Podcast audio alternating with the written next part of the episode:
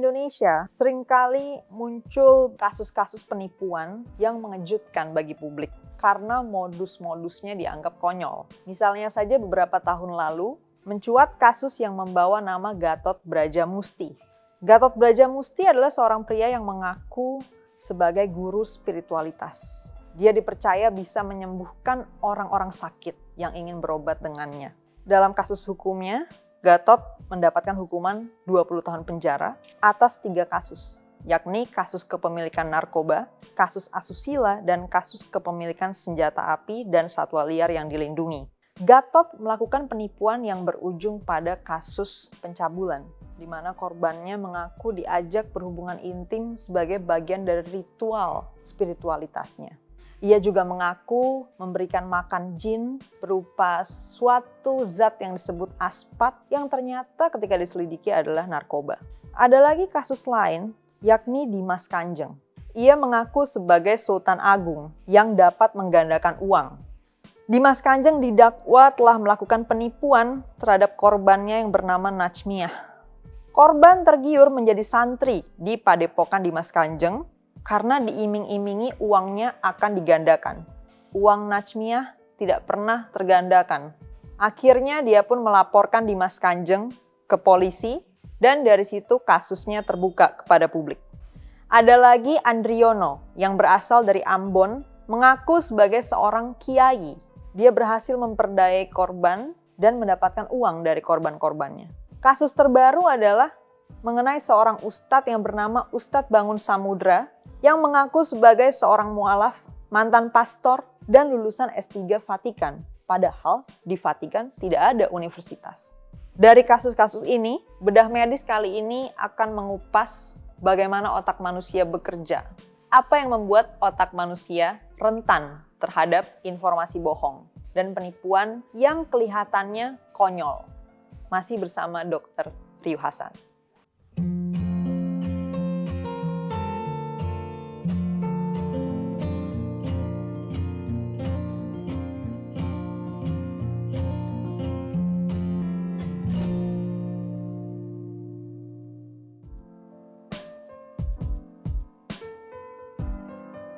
Yang dinamakan kebohongan. Itu erat kaitannya dengan kemampuan kita berbahasa verbal. Karena bahasa verbal manusia ini memang berkembang untuk menyampaikan hal yang tidak sesungguhnya. Fungsinya itu. Ya, manner itu adalah menyampaikan hal yang tidak sesungguhnya. Boleh aja seorang uh, karyawan benci sama direkturnya, tapi nggak boleh ngomong gitu. Nggak begitu ngomong ke direkturnya, selamat pagi pak. Gitu. Jadi tata kerama itu adalah menyampaikan hal yang tidak sesungguhnya supaya kita bisa bekerja sama. Nah, tapi apakah kenapa kenapa bagaimana otak kita bekerja itu bisa istilahnya memenuhi itu ya eh, apa kebutuhan-kebutuhan manusia? Manusia itu sebagai organisme hidup sama dengan organisme hidup yang lain. Keselamatan hidupnya itu melebihi apa pun juga, gitu ya, melebihi apa pun juga.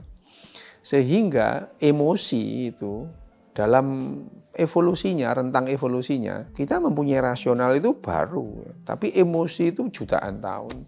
Bahkan pada manusia sendiri, manusia sendiri yang kurang lebih 350 ribu tahun itu pengetahuan itu tidak penting. Orang itu tidak pernah belajar kalkulus itu ribuan tahun tetap hidup kok itu ya. Nenek moyang kita itu pemburu pengumpul itu tidak perlu itu. Ilmu-ilmu dasar biologi organisme itu apa ilmu-ilmu dasar fisika ya misalkan pesawat sederhana ungkit itu. Tapi kan dari pengalaman-pengalaman hari sehari-hari bukan kalau panjang tuasnya ini empat terus kemudian di sini satu satu banding empat dia bisa mengungkit berat empat kali lebih berat itu itu dihitung belakangan. Sumber pengetahuan manusia ribuan tahun itu didasarkan kepada individu-individu yang sebetulnya tidak tahu yang mana benar mana yang salah. Bayangin aja, ribuan tahun manusia hidup itu kalau dia ingin tanya sesuatu, tanyanya itu ke kepala suku, dukun, ahli nujum, pendeta ini. Ini orang-orang yang paling anti bilang tidak tahu. Apa aja jawabannya ada. Perkara informasinya itu benar atau salah tidak penting.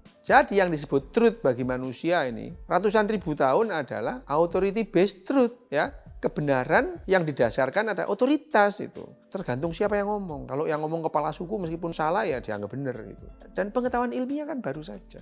Nenek moyang kita pemburu pengumpul ratusan ribu tahun hidup itu tidak mengandalkan pengetahuan ilmiah, tapi mengandalkan emosi itu. Kenapa orang lebih gampang percaya pada sebuah hoax daripada uh, informasi yang benar? Karena kepentingan untuk hidup itu melebihi apa pun juga. Jadi otak kita itu berkembang bukan untuk merespon mana yang benar, mana yang salah, tapi merespon mana yang lebih memungkinkan kita untuk bertahan hidup. Jadi otak manusia ini meskipun kita itu akhirnya punya rasionalitas, tapi rasionalitas itu bukan tujuan utama dari kehidupan manusia itu sendiri pada umumnya. Karena sebagai organisme otak ini adalah tool bagi organisme. Ya bukan hanya manusia ya kodok ya ikan yang punya otak. Otaknya itu digunakan untuk bagaimana membuat organisme itu bisa lebih memungkinkan bertahan hidup ketimbang rasionalitas. Nah, individu-individu yang mengembangkan teori konspirasi ini, ini lebih peluangnya untuk hidup lebih besar ketimbang yang konfirmasi itu. Ada semak-semak bergerak, dia berpikir jangan-jangan itu cuma angin atau malah kelinci mungkin itu. Dia lihat itu datang singa atau harimau beneran, nah dimakan dia. Nah, sehingga peluang untuk survive itu lebih besar pada orang-orang yang menciptakan konfirmasi di otaknya. Karena mereka itu peluangnya lebih besar, akhirnya mereka menurunkan peluang untuk menurunkan sifatnya ke keturunan itu lebih besar ketimbang yang gampang mati tadi. Oh, mati bagaimana mau menurunkan sifatnya sehingga ya akhirnya penuhlah dunia ini dengan orang-orang yang tidak rasional. Pada perkembangannya kan akhirnya ada yang namanya pengetahuan ilmiah. Tapi kehidupan kita sehari-hari itu lebih dari 98% dikendalikan oleh otak emosi, alih-alih oleh otak rasional itu. Apa itu otak emosi?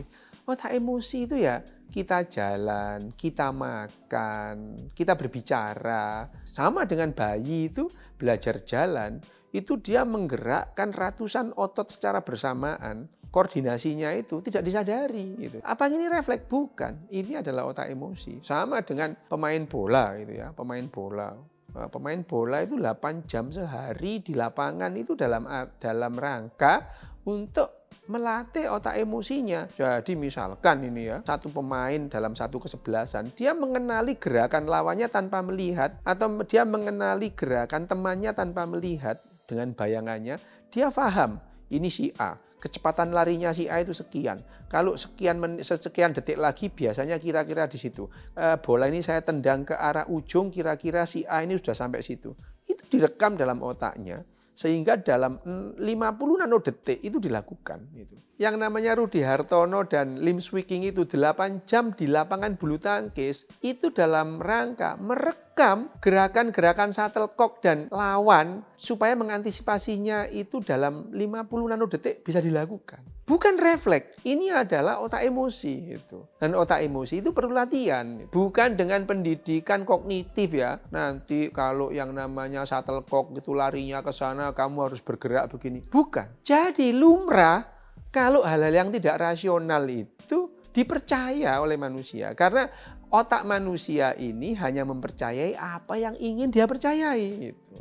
Karena apa? Itu tadi perkembangan evolusi kita itu bukan mementingkan mana yang benar, mana yang salah, tapi mana yang bisa memberikan peluang kita bertahan hidup. Sehingga berita yang paling mengancam itu yang paling didahulukan ketimbang berita iming-iming. Nah, hanya saja berita iming-iming yang selalu menggiurkan itu selalu berhubungan dengan keyakinan yang mengancam dia kalau dia nggak percaya tentang keyakinan itu. Penipuan terhadap menggandakan uang itu selalu diatribusikan kepada keyakinan tertentu. Manusia ini tidak pernah belajar dari kesalahan kok. Selalu mengulang kesalahan. Banyaklah itu mulai dari dukun yang pernah ngetop di tahun 80-an, 90-an itu datang dan pergi. Dan pada saat dukun itu terbukti tidak tidak bisa menyembuhkan pasien misalkan, yang dulunya antrinya ribuan ya hilang begitu saja. Tapi ya manusia atau orang yang percaya perdukunan pada saat ada dukun yang terbukti bohong-bohongan, bukan lantas dia nggak percaya dukun, dia cari dukun lain.